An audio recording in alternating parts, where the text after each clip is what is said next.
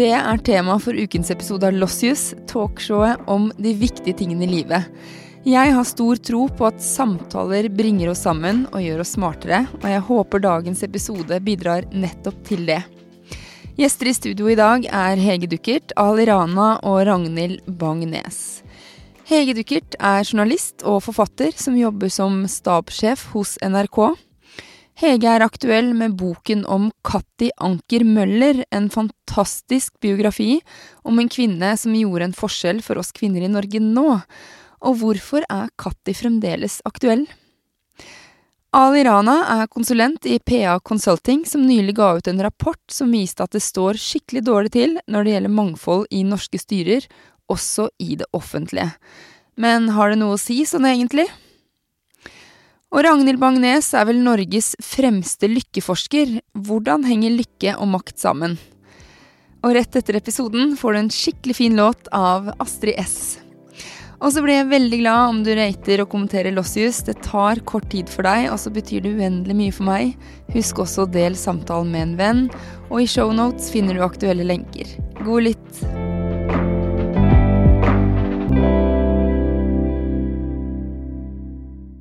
Hege, Ragnhild og Ali, velkommen til studio. Tusen takk. Takk. takk. Hege, det, vi skal ikke så lang tid tilbake i tid før vi kvinner ikke hadde råderett over egen kropp og egentlig ikke noe makt. Og det har du skrevet ganske så bra om, syns jeg, i boken om Katti Anke Møller. Hvorfor en bok om henne? Nei, du kan så si hvorfor skriver man en bok om en som er født i 1868? Eh, det er jo fordi jeg føler at det egentlig ikke er så lang tid siden, eh, og fordi jeg tror at det å kunne noe om vår egen historie og om kvinners historie, som er veldig underfortalt i Norge, også kan gi oss et perspektiv på de mangfoldsdebattene vi har i dag. Eh, fordi at det var en, en, verden og et samfunn som var så annerledes enn det det er i dag, og hvor kvinners kår var så annerledes. Og eh, både det å se Eh, lære om hvordan det var, og se den reisen som har vært frem til i dag. Da, og også forstå at veldig mange av de rettighetene og tingene vi tar som selvfølgelige i dag, de er kjempet frem av noen. Mm. Og lære om hvem de er. Det er jo ikke så lenge siden heller, for hun døde i 1945. Ja, hun gjorde det. Og det er, jeg tror de, mange vil kjenne igjen både ting fra mødre og bestemødre i den historien eh, hennes. Men hun ble jo født da inn i et samfunn hvor kvinner ikke hadde noen rettigheter. Hvor eh, fra midten av 1800-tallet så ble man myndig når man var 25. Men når man giftet seg, så mistet man myndighet igjen. Og veldig mange kvinner giftet seg jo før de var 25, så de opplevde aldri å være myndige. Aldri kunne rå over sine egne penger. Aldri å kunne styre vesentlige ting i livet sitt. Og så var det jo det som Katti Anke Møller var veldig opptatt av, da, at de heller ikke hadde rådighet over sin egen kropp. Altså at de ikke hadde muligheten til å bestemme hvor mange barn de skulle få. Fordi vi levde i et samfunn hvor tanken var at det var Gud som bestemte hvor mange mm. barn man skulle få. Eh, ektemannen hadde også noe å si, men kvinnen var liksom bestefall på tredjeplass. Sånn at hun mente jo at veldig mange av de som kjempet for kvinners rettigheter på den tiden, glemte det faktum at du kan godt få Det er fint å få utdannelse, og det er fint å få en jobb, og det er fint å få stemmerett, men hvis du samtidig skal gå gravid sammenhengende i 20 år, så er det ikke så mye du får gjort. Ja, Det her skal vi gå inn på etterpå, men mammaen fikk jo ti barn. Kan du tenke deg det? Ja. Ti barn mellom hun var 20 og 40, og det vil jo si at hun alltid liksom hadde et lite barn på armen. Og når du får så mange, så mister du jo gjerne noen også. Mm. Fordi det er krevende å klare å få alle sammen til å vokse opp. Så det er både Det er sikkert mye glede i det, men det er nok mye sorg og mye arbeid. Mm. Ragnhild, du forsker jo på lykke, eller livskvalitet. Ja. Eh, makt og livskvalitet, lykke, hvordan henger det sammen? Oh. Ja, Det henger nok sammen på mange vis. Litt avhengig av hvordan vi definerer både makt og, og lykke eller livskvalitet. Men det er klart at uh, det å oppleve å ha det bra eh, avhenger litt av at vi kan føle at vi har både påvirkningsmuligheter, at vi kan tilføre verdi, at vi kan ha frihet til å, autonomi til å, til å velge, ikke sant? Og, og, ha muligheter, ikke sant? Det er en utrolig viktig ressurs. Og, så, så det å ha oppleve avmakt, f.eks. Det å oppleve at man ikke um, kan påvirke livet sitt. Uh, det henger jo sammen med dårlig livskvalitet langs de alle, alle livskvalitetens dimensjoner, egentlig. Mm. Um, så vi ser jo at de som har det, har det best, det er jo mennesker som, som kanskje har mye av de maktlignende ressursene da, ikke sant, i livet sitt, som, som god økonomi, ikke sant, helse. eh, gode relasjoner, nettverk osv. Så, videre. mm. så Så det er klart at det henger sammen med eh, Makt og lykke eller livskvalitet henger sammen. Eh, men det er klart at, eh, at vi tenker kanskje at, eh, at det er viktigere. Man kan oppleve mye godt i livet uten å ha stor grad av makt. Og, og, og makt kan også henge sammen med isolasjon eller stress, ikke sant. Mm. Um, hvis man tenker på sant, stort ansvar eller um, politisk makt f.eks. Eller ja. Mm. Så mm. Men Ali, eh, dere hadde på jobben din en gjennomgang av ledergruppen til de 50 første selskapene, største mm. selskapene i Norge. Mm. Kan ikke du fortelle funnene? Jo. Realiteten er slik at uh, blant Norges 50 største selskaper, uh, da tenker vi på omsetning, i privat sektor, så kartla vi konsernledelsene i alle virksomhetene. Så mm. fant vi ut at det er én person blant nesten 300 ledere som sitter i disse konsernledelsene til sammen. Det er én leder med flerkulturell, ikke-vestlig bakgrunn. Eh, vi visste, Jeg visste at tallet var lavt, men det, jeg ble veldig overraska over at mm. det var så lavt. Eh, mangfold er, eh, det er viktig, eh, også i form av at eh, andre som kjenner seg igjen, bare måten man ser ut på. Det er ganske enkelt å si at okay, mangfold er jo ikke bare hvordan, hvilken hudfarge man har. Eh, men det er jo ca. en halv million mennesker eh, i Norge som har en flerkulturell, ikke-vestlig bakgrunn. så mangfold er viktig i den sammenheng. Så tenkte vi la oss se på offentlig sektor, for de skal jo bane vei for mangfold og representere og reflektere befolkningen ellers. Der var tallene heller ikke så mye bedre. Der lå det på nesten 0,7% Så blant alle etater, direktorater mm. og andre offentlige organer, så er det faktisk ingen med minoritetsbakgrunn som sitter i virksomhetsledelsen. Og et samfunn som er i omstilling, det er, øh, det er kriser som skjer øh, i verden, sikkert økt innvandring, mye mer komplekst hva skal jeg si, demografi enn det var øh, tidligere, så er det utrolig viktig at man forstår brukergruppene mm, mm. sine på en annen måte. Da må man ha personer som har hva skal jeg si, den erfaringen da, med, med, med, å tenke slik andre grupper tenker. Mm. Så tenker jeg også med offentligheten, hva, og det skriver jo egentlig du mye om i boken, Hege. Det med at når noen personer har fratatt en stemmerett i offentligheten, så én er at offentligheten ikke blir så eh, flerfoldig som den burde være. Men det gjør jo også at eh, mange ikke får stemmen hørt. Mm.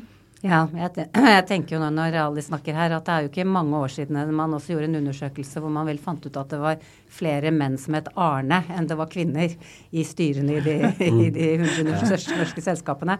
Så, sånn sett så kan du jo si at vi har jo liksom, vi har flere generasjoner mm. av utfordringer her for å mm. prøve å få en god representativitet i samfunnet vårt. Da. Mm. Og der har vi jo vært ganske flinke de, eh, de, siste par årene. I hvert fall når jeg ser på hva man eh, gjør nå når det gjelder kvinner i styrer. Eh, der må man sant, Det er, det er 40 %-kravet. Eh, man kan si hva man vil, men da skjer det ting. Det virker. Mm. Det virker. Imagine the softest sheets you've ever felt. Now imagine them getting even softer over time. That's what you'll feel with Bowl and Branch's organic cotton sheets. In a recent customer survey, 96% replied that Bowl and Branch sheets get softer with every wash. Start getting your best night's sleep in these sheets that get softer and softer for years to come. Try their sheets with a 30-night guarantee. Plus, get 15% off your first order at bowlandbranch.com. Code BUTTERY. Exclusions apply. See site for details. Mm. Men du snakket også om, eller i rapporten, at man i noen land, var det USA, at det er én kvinne og én eh, mangfoldsrepresentant. Jeg vet ikke hvordan jeg skal si det. Mm.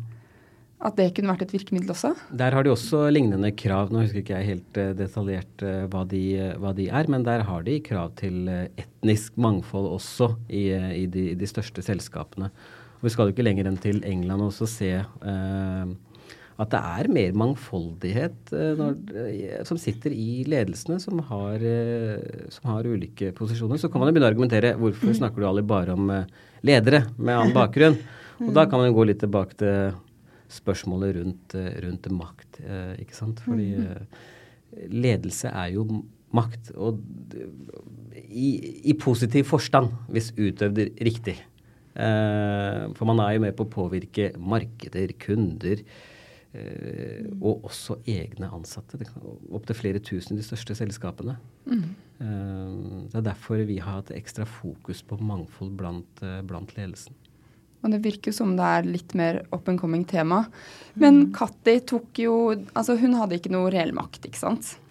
Nei, jeg tror veldig få kvinner på 1800-tallet opplevde at de hadde reell makt. ikke sant? De hadde ikke stemmerett, de hadde ikke økonomisk makt. De måtte, var helt avhengig av å, å virke gjennom menn. Men det hun fikk etter hvert, var hvis du, kaller, hvis du tenker at makt også er evnen til å sette ting på dagsorden, så fikk hun jo det. For hun tok seg jo plass og, og, og, kjempet for de sakene som var viktige for henne. Og det å få, en, få anledning til en talerstol er jo også en måte å få makt på. Mm. Eh, men, men, eh, det var jo en veldig lang vei for henne, da. Det var jo ikke sånn at eh, hun akkurat ble tilbudt så veldig mange talerstoler. Men hun, hun var så opptatt av rettighetene til kvinner og barn at hun insisterte Eh, på å gå opp på denne talerstolen. Og hun gjorde det til en stor kostnad, for hun, eh, hun var ingen naturlig taler. Eh, hun syntes det var fryktelig skummelt, og jeg tror hun vel hadde det som vi i dag hadde kalt for panikkangst hver gang hun mm. var snakket. At hun fikk sånn veldig, veldig hjerteklapp, ikke sant, og ble svett og, og rar. Men allikevel så reiste hun da rundt i Norge helt i begynnelsen på 1900-tallet og holdt foredrag om de, det som skulle bli de Castbergs barnelovene, da, som handlet om at alle barn skulle ha de samme rettighetene. Eh, og hun holdt over 70 foredrag, og 70 foredrag med panikkangst. Det er ganske kraftig. Det er ganske kraftig. Og så kostet det henne jo også å si fra, fordi mye av det hun sa var jo ekstremt kontroversielt. Ja, veldig. Og det handlet jo mye om det vi allerede er inne på her nå, altså det med å ha selvbestemmelse og ha påvirkningskrav mm. over ditt eget liv, og at det skulle gjelde alle. Eh, og at det var en rettighet du hadde om du så var en ung jente som eh, var alenemor, eller hvem du nå var, så hadde du liksom også at barn var født med visse rettigheter. At det var en veldig fremmed tankegang bare for 150 år siden i Norge. Mm. Da tenkte man at det var, eh, det var de rike og de som betalte skatt, og de som liksom drev samfunnet og en bitte liten elite som skulle styre. Eh, og så tok det lang tid før man skjønte at, det, eh, at sånn som i dag, så altså innser man jo at det er, en, det er en suksessfaktor i store mm. selskaper å ha liksom et mangfold av mennesker både i ledelse og blant de ansatte, fordi det gir bedre ideer og et større tilfang. Mm. mm og for samfunnet. Mm. Hvis eh, man ikke har alle representert, så Absolutt. taper man jo på det. Mm. Men, men, Ragnhild, jeg tenker på Du snakket jo litt om det, det med evnen til å påvirke i det offentlige. At det har noe å si for lykkefølelsen. Eller det å bli representert. For du, mm. altså, så mm. vidt jeg vet at skeive f.eks. scorer lavere ja. på lykke. Ja. Eh, det er jo en, vi har en veldig veldig skjevfordelt livskvalitet i Norge. Um, så vi har en majoritet som er godt fornøyd på alle områder, nærmest. Og så har vi også ganske mange som, eh, som, tilhører grupper som faller på en måte utenom. Eh, og det er jo ikke så små heller. Vi snakker om 20 til nesten 30 mm. som opplever at livet ikke er så ålreit. Altså. Eh, så vi snakker om godt over en million voksne. For jeg snakker om eh, folk over 18. Eh, og, og, vi ser at enkelte da, grupper scorer lavere på alle de tolv livskvalitetsindikatorene som SSB rapporterer på, bl.a. skeive og funksjonshemmede. Eh, og vi ser i våre, eh, våre, data så ser vi også at eh, det som ser ut til å være aller tettest koblet til det å ha et godt liv i Norge, ser ut til å være det å oppleve å ha gode relasjoner. Og det å ikke være diskriminert siste, siste året. Mm. Uh, og, så dette med innenforskap og utenforskap. Uh, og, og, særlig så ser det vel da ut til at det også ledet med diskriminering leder til eh, mer frykt i nabolaget og lavere tillit til offentlige myndigheter osv. Så, videre. um, så dette med ikke sant, um, innenforskap uh, tro, og utenforskap ikke sant, ekstremt viktig for å ha gode liv. Og, um, så, så, det som henger sammen med gode liv, er ofte ikke sant, rettferdig fordeling. Ikke sant, opplevelse av mangfold og representativitet. Så vi mm. ser jo at uh, de gruppene som faller utenom, de, de um, opplever jo ikke å ha uh, som f.eks. Um, folk som lever med sykdom eller funksjonshemming osv. De som er brukere av systemet vårt, opplever at de har mindre tillit til å tro på at de får hjelp osv. Og, så og våre tiltak når vi skal plane enten politiske tiltak eller andre intervensjoner, de treffer ikke nødvendigvis så godt når vi ikke hører de stille røstene. Ikke sant? Så, så det er så viktig det dere snakker om ikke sant? Med, med den representativiteten og, og, det å høre alle stemmene. Mm. Eh, for at vi skal fungere godt som, som nabolag eller eh, regioner eller land eller sant, politiske enheter. Mm. Men tror du det er verre for eh, Altså at, at, utenforskapet blir større fordi vi har en idé om at det er så likt i Norge? At vi egentlig er kommet dit at vi er likestilte, mm. vi er frie, vi kan alle sammen delta? Gjør det det vanskeligere? Det kan godt hende. Noen har ment det. Vet bl.a. noen danske forskere ved, ved Lykkeinstituttet der mente at det, um, det var uh, viktig, altså. Um, så, så det, kan du, det, kan godt være. Jeg, jeg, jeg tror absolutt det er uh, inne på noe vesentlig her. Uh, jeg pleier alltid å si at uh, jeg er veldig stolt av å være norsk. Fordi det vi-et vi har klart å skape i Norge Nå snakker jeg med basis i, i, i min bakgrunn. Jeg er født og vokst i Tønsberg. Pappa flyttet fra Pakistan på, på 70-tallet. Mm. Men det vi-et jeg har opplevd gjennom hele oppveksten, det har stått veldig sterkt. Jeg har egentlig aldri tenkt på at jeg er annerledes, eller at jeg har noen mindre rettigheter. Bare ikke tenkt på det.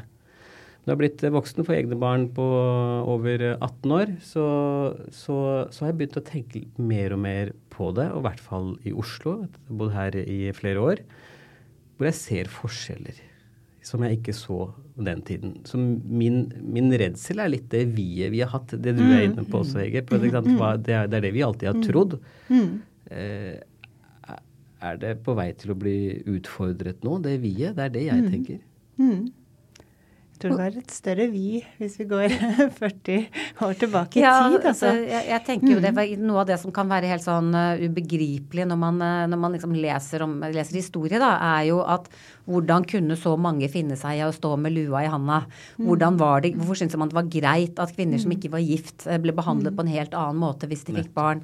Alle disse spørsmålene mm. virker jo liksom men, men, samfunnet var jo innrettet sånn at man hadde en slags orden, og så var det noen som falt utenom, og så var det liksom det var sånn samfunnets orden var, og du var skikkelig uheldig hvis du var fattig og utafor og eh, gravid og i ulykka. Men, eh, men, det var så alle var, alle var, på en måte enige om at samfunnet var organisert sånn, selv om det var veldig, veldig urettferdig. Mens jeg kan tenke meg at det kanskje kan være vanskeligere i dag hvor du har mye mer sånn tynne linjer, da, fordi vi har en sånn jeg i hvert fall kjenner at jeg, jeg, kanskje for sjelden tenker over det at det er store forskjeller i Norge. Jeg mm. tenker at vi er, vi er, mm. frie og like og glade, men vi er jo ikke det. Mm. Nei, vi er jo ikke det. Og, og forskjellene f.eks. For i økonomisk er sannsynligvis mye større enn det offentlig statistikk også gir uttrykk for, og, og har vært voksne. Det har jo vært eh, sant, andelen som barn som uh, vokser opp i fattigdom, eller andelen som lever med lavinntekt vedvarende, har jo, har jo utviklet seg og vokst de siste, siste, årene. Det var en rapport i fjor, Marmot-rapporten, som gikk gjennom ulikheten og ut, utviklingen i ulikhet i Norge eh, fra 2014, eh, som dokumenterer ganske vesentlig negativ eh, utvikling. da. Mm. Og det har vel en del å si for lykken som helhet i et samfunn. For Norge, ja. vi synker jo på lykkebarometeret. Mm.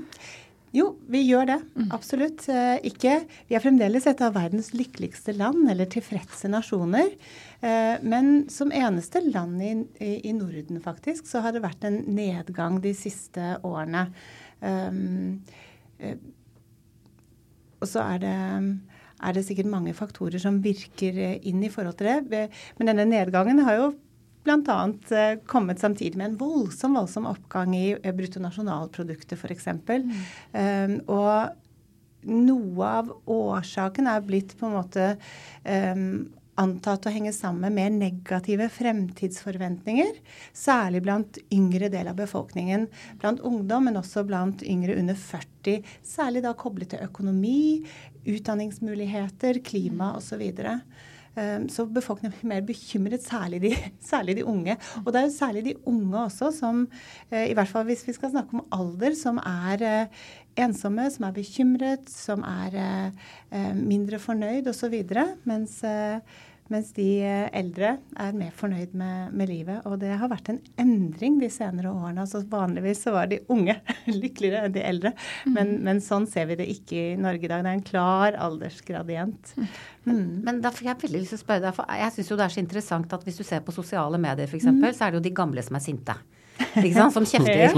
De unge har jo liksom, de som er sånn digital natives, de har jo vokst opp med dette, klarer å beherske seg, vet hvordan vi gjør. Mm. Mens det er forbløffende mange sinte, unnskyld at jeg sier det, eldre mennesker på sosiale medier.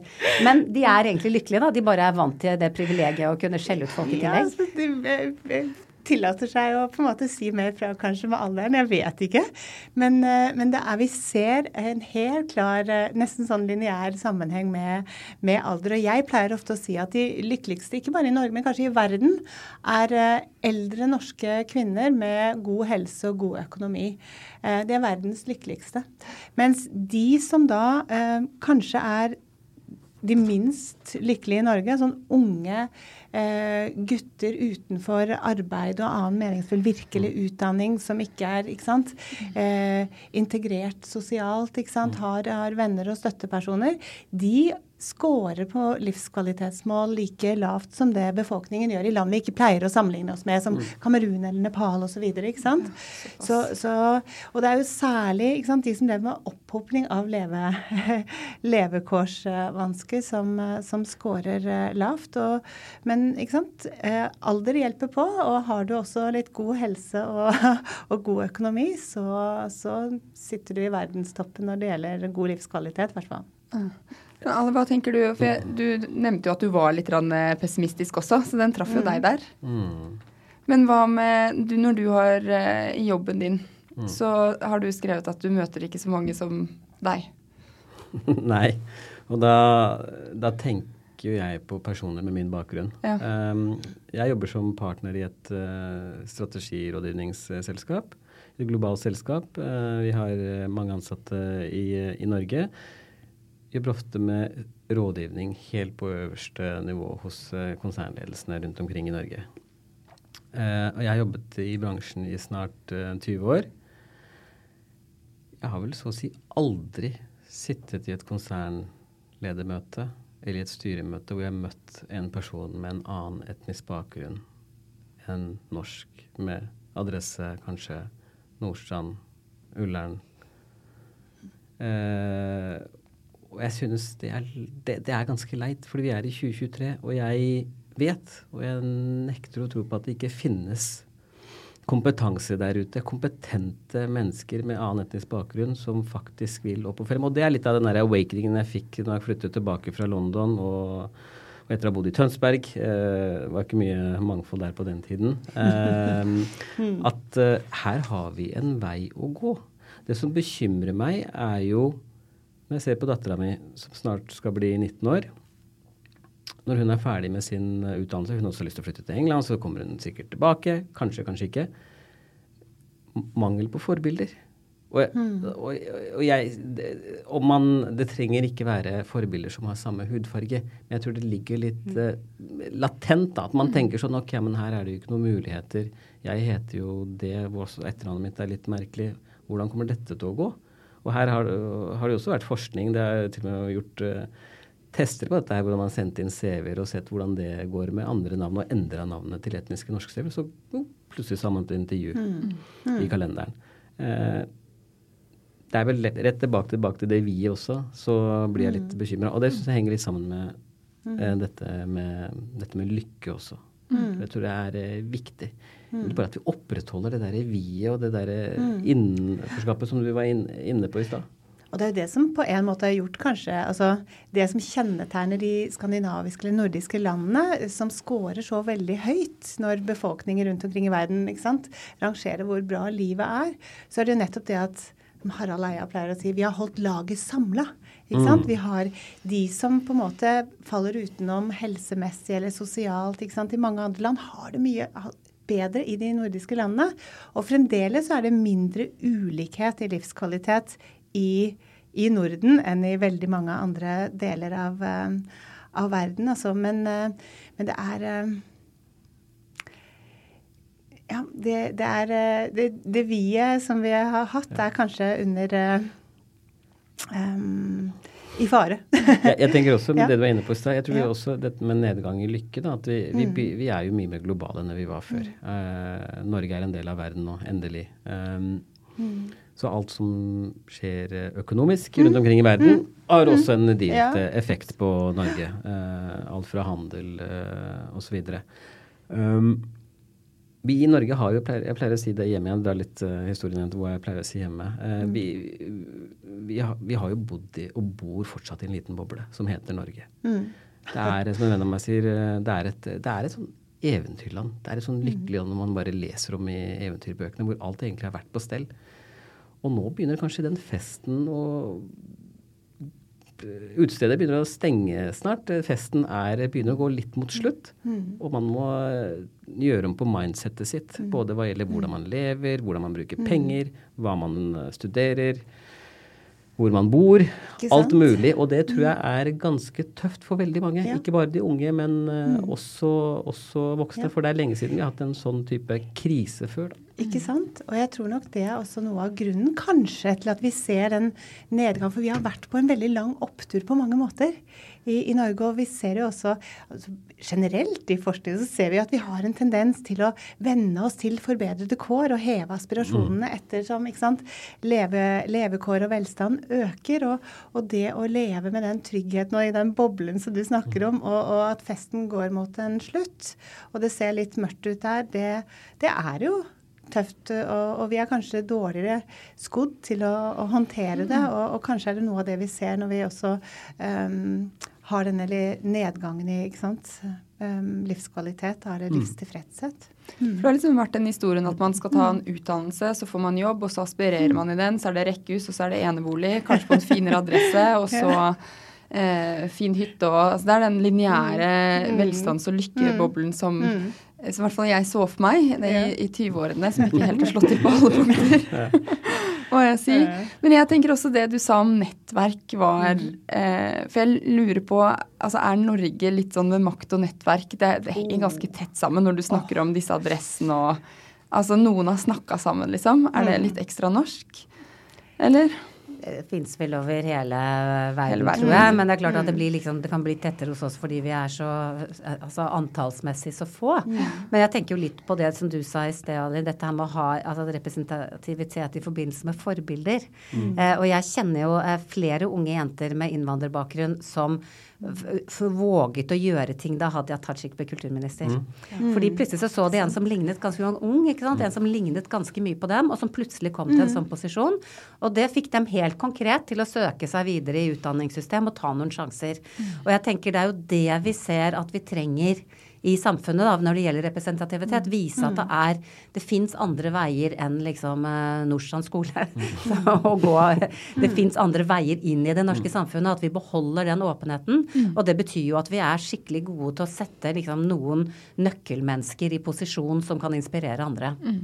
Og Katti hadde også det, med noen Ja, forbilder. Katti Anke Mølle hadde, hun var liksom andregenerasjons kvinnesakskvinne. Så hun hadde opplevd Camilla Collett og Åsta Hansten, som hadde gått liksom foran henne. Så hun visste at det var en bevegelse, og hun følte seg som en del av noen ting. Og selv om det fremdeles på hennes tid var veldig sjelden å holde at kvinner holdt, tok ord i offentligheten og holdt foredrag, så hadde hun sett det. Hun hadde hørt om det. Og jeg tror bare det at det er én eller to som går foran deg, og hun, hun satt hele livet og skrev med et bilde av Camilla Collett foran seg på skrivebordet. Og det er bare å ha det forbildet at noen har faktisk tråkket veien, det tror jeg betyr hun utrolig mye. Åpner et helt annet mulighetsrom, ikke Ja. sant? Ja. Det gjør det. Men hva, når hun, eh, du, du beskrev jo samfunnet litt grann, eh, da hun ble født. Hvor, hvor annerledes var samfunnet da hun døde? Det var jo på tampen av andre verdenskrig. Men hva skjedde i løpet av den tiden hun levde? Ja, de, eh, på en måte I forbindelse med vårt tema i dag, så kan man jo si at hvert fall for kvinners eh, del, da, så gikk det jo fra avmakt til, en, til makt, på en måte. Eller til en mye større grad av definisjonsmakt. Eh, og, at, og, og at, man var øns at deltakelsen i samfunnet var ønsket på en annen måte. Altså For Katti Anki Møller så var stemmeretten liksom det som var det avgjørende. Og for henne, Hun var jo da gift med en mann som tjente penger, så hun fikk kommunal stemmerett i 1901. Og følte da at det betydde at du fikk en helt annen forpliktelse i samfunnet til å stå frem og til å yde ditt. da. Og at når du, hadde, når du da var privilegert i utgangspunktet, og du hadde fått den muligheten, så måtte du bruke den. Og jeg tror at hennes generasjon hadde jo det veldig, veldig sterkt med seg. Eh, og det er kanskje det som man innimellom kan slite med i forhold til politikken i dag, f.eks. At, eh, at det føl, alt føles bare som liksom, ja, spiller det noen rolle hvem jeg stemmer på, eller folk kan få litt avmakt i forhold til det. Mens, mens at tidligere generasjoner har nok hatt veldig sånn sterk følelse av noen viktige rettigheter som de har kjempet for. Og man kan jo si at lykkelig er den som har en sak, Ikke som har noe å kjempe for, Ja. eller noe du vil. Ikke sant? Det bidrar jo også veldig stort til, til livskvalitet.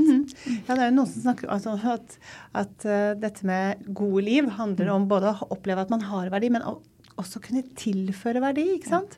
Altså vi har et så, Det er så viktig for oss å kunne bidra ikke sant? Og, og, og ha muligheten til å delta. Um, og vi taper mye både som, ikke sant? som, som nasjon, som eh, um, På å ikke få med alle. Få med hele laget, ikke sant. Ja, Hvis ikke alle er med, ja. Ja. Rundt nett, jeg, jeg tror også gode nettverk jeg bruker ordet gode, gode nettverk er viktig. Eh, hvis vi skal få til endring og, og påvirkning, så tenker jeg at eh, gode relasjoner og gode nettverk mellom mennesker, om det er næringslivsledere for å få til endring, eller politikere, er utrolig viktig. Eh, det er jo gjennom nettverk man, man gjerne får til ting, og det kan være på et personlig eh, plan. Du, man kan gjerne få oppfylt kanskje noen eh, drømmer hvis man har noen gode nettverk. Eh, man skal få til noe i livet karrieremessig kanskje også, tenker jeg. At man at, at man kjenner noen. Eh, fordi vi liker å tro at i Norge så er det kun merit som eh, gjelder. Men det er også nettverk til mamma eller pappa som kan, eh, som kan, som kan gjelde. Men har man ikke også funnet ut at det at nettverk kan være mye større enn det man ofte tenker på, er jo sånne veldig organiserte sånn nettverk på jobben, eller at du er medlem av en klubb, eller et eller annet. Men at, at, at svake bånd, altså at det også bare sånn det at du kjenner noen, at du snakker litt med noen ved kaffemaskinen, eller at du møter noen i et podkaststudio, altså at det også er en måte å være i et nettverk på, da. Jeg tror, ja. Ja. Og i hvert fall hvis man er nysgjerrig som person, så, så tror jeg det er helt, det er helt riktig. Eh, og noen liker å utvide nettverkene sine eh, kontinuerlig og hele tiden. Eh, jeg, jeg, det der er spennende, for jeg, jeg, liker å bli kjent med nye mennesker. Ikke bare fordi jeg er nysgjerrig, men jeg, liker å bli kjent med nye mennesker for å høre litt hva, hva er det de driver med, og hva, hva har de gjort i livet. For å høre litt personlige historier. Og det kan godt være ute på en restaurant med en som jobber der, som jeg blir kjent med. Og jeg har hatt, blitt, blitt, hatt veldig gode vennskaper opp gjennom årene med helt random personer som er mine bestevenner nå, som jeg bare møtte møtt uh, ute, ute, på byen. Som ikke har noe felles hva gjelder bakgrunn eller utdanning eller jobb eller noe som helst. Men det beriker meg som person. Da. Og da tenker jeg da sammen som et kollektiv så har vi makt til å kanskje utøve noe positivt ikke sant? For, uh, for, uh, for samfunnet. For det er når man møtes. Ja. Men samtidig så liksom, nettverk det er en liksom Det kan jo lett bli ikke sant, altså det nettverk hvor Som kan altså, på en måte være korrupsjon også, ikke sant? Eller lede Mm. til mye sånn uh, uheldig maktbruk, eller uh, Ikke sant. Så det er en veldig sånn fin grense der i forhold til ikke sant? dette med å ha gode og tette nettverk med folk fra ulike bransjer eller eh, kolleger eller politikere osv. Eh, og så er det Jeg tenker at Norge er ganske gjennomkorrupt, faktisk. Oi, oi, spennende. Få, høre. Ja, nei, men jeg tenker jo det at, altså, at vi er Noen mennesker møtes veldig mye, ikke sant? Mm.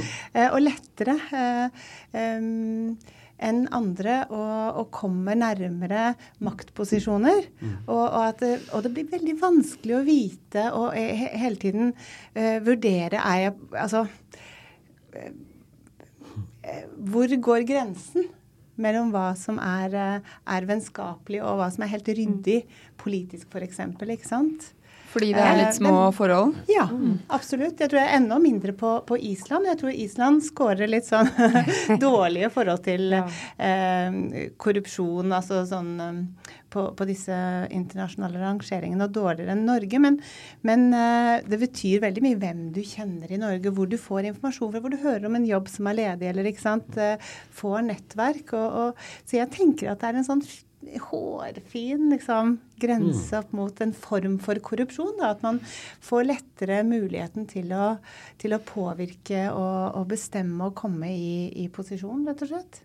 Jeg tror det er to måter å se på det på. For jeg satt klistra og så på hele, alle høringene i Stortinget i går. Som jo, for nå er det jo mye diskusjon da om, om inhabilitet og vennskap og sånne ting. Men så tenker jeg at vi har et samfunn hvor vi bruker liksom timevis. altså Nasjonalforsamlingen vår er samlet liksom i tolv timer og snakker om dette, og det overføres direkte på TV. Jeg syns det gir håp, jeg. Jeg blir glad av det.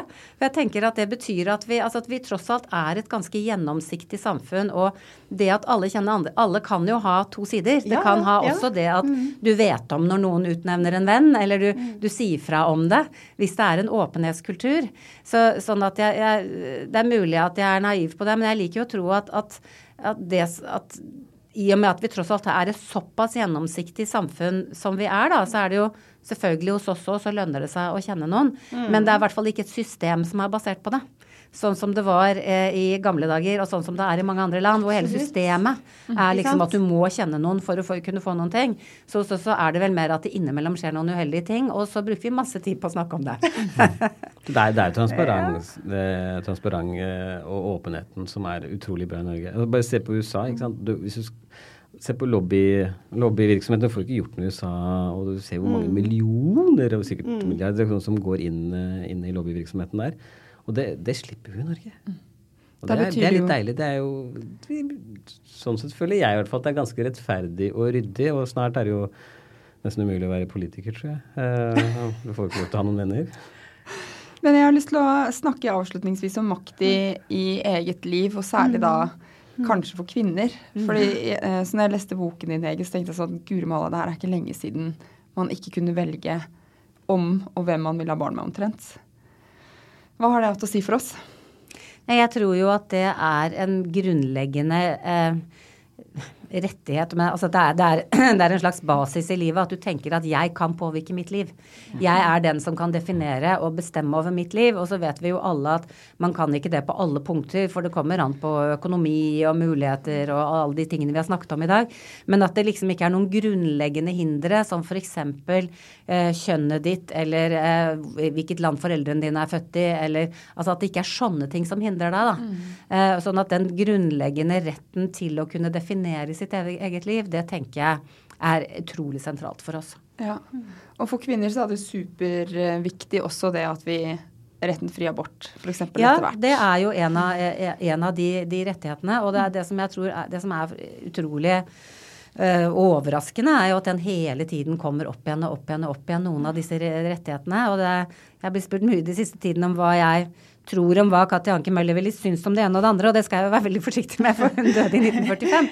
Men jeg tror jo kanskje at hun ville vært litt forbauset over at vi har disse bølgene av backlash hele tiden. Eh, og at de rettighetene som er kjempet frem, at de liksom ikke helt sitter. At vi må ta dem veldig, veldig mange ganger. Mm. For den makten du snakker om, det handler jo om frihet i eget liv til å utfolde seg som en vil. Og det er jo også viktig for, for lykkefølelsen. Ja, helt essensielt. Dette med å ha en opplevelse av autonomi eller frihet. Når eh, vi utformet for noen år tilbake et sånt målesystem for livskvalitet i, i Norge, eh, som på en måte er ganske sånn normativt. Vi tenker det er noen ting som er så viktige for å ha et godt liv at, eh, at det er liksom ikke gjenstand for noe særlig spørsmål i det hele tatt, for å si det. Setter det litt på spissen. Og da trakk vi jo frem noen sånne eh, temaer, og det handler bl.a. nettopp om sant, frihet og autonomi. Trygghet. ikke sant, altså det er nesten umulig å ha det bra hvis man ikke har, kan påvirke livet sitt og oppleve at man er trygg. Altså Er man redd hele tiden, så går det ikke an å ha det bra. Og når vi har vært ute og spurt representative utvalg av, av nordmenn også om hva som skal til for å ha et godt liv, eh, så, så er nettopp dette med påvirkningsmuligheter noe av det aller viktigste som folk rapporterer. Folk er opptatt av eh, relasjoner, familie og venner, helse. Um, og, og, og nettopp det å kunne påvirke. Trygghet og påvirkningsmuligheter. Så det er noe som eh, man ofte eh, befolkningen selv eh, mener, men også hva vi tenker er eh, grunnleggende menneskelige behov eh, som bør være førende for sant, både politikk og folkehelsearbeid, som jeg er involvert i. Da. Mm. Ever catch yourself eating the same flavorless dinner three days in a row? Dreaming of something better? Well, HelloFresh is your guilt free dream come true, baby. It's me, Gigi Palmer. Let's wake up those taste buds with hot, juicy pecan crusted chicken or garlic butter shrimp scampi. Mm. Hello Fresh. Stop dreaming of all the delicious possibilities and dig in at HelloFresh.com. Let's get this dinner party started.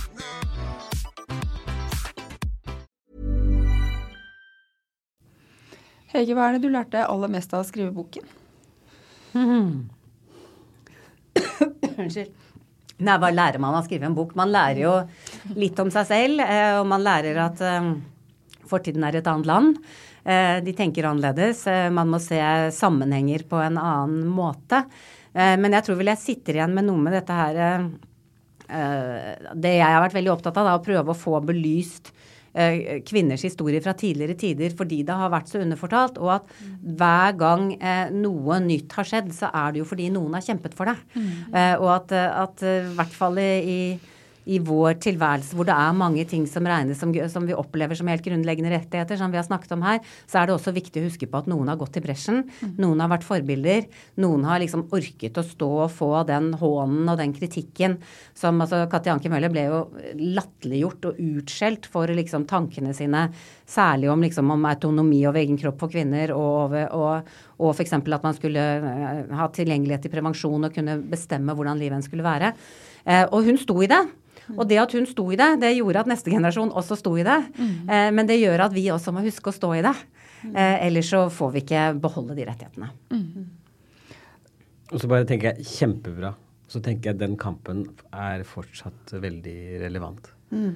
Eh, for det er garantert kvinner der ute som fortsatt står der den dag i dag. Om det er av eh, kultur, eller Og det, trenger, det kan være på tvers av etnisiteter. Det kan være norsk kultur og, også i visse deler av landet. Altså det, mm. det, det, er fortsatt mange som tror jeg kjemper den kampen. Og det, når jeg hører enkeltskjebner, så, så er det ganske trist.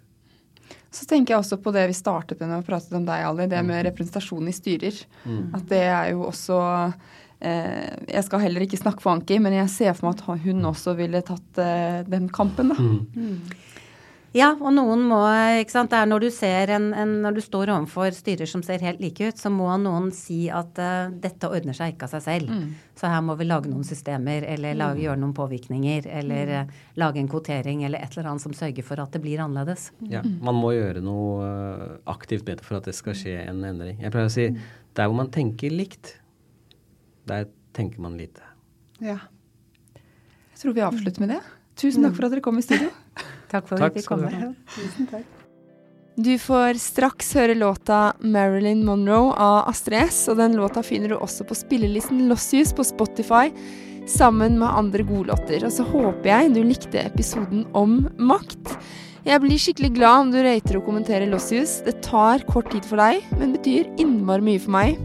Husk også å dele samtalen med en venn, eller slå en prat om temaene.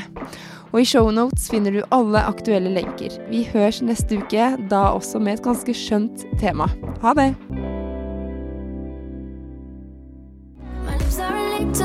More red, but that doesn't take away what's said. Don't tell me what I'm gonna do, what I don't. I will decide what I will, what I won't. Is it like Marilyn Monroe? If I wanna do it on my own, don't tell me what I'm gonna do, what I don't. I'm gonna do it the way I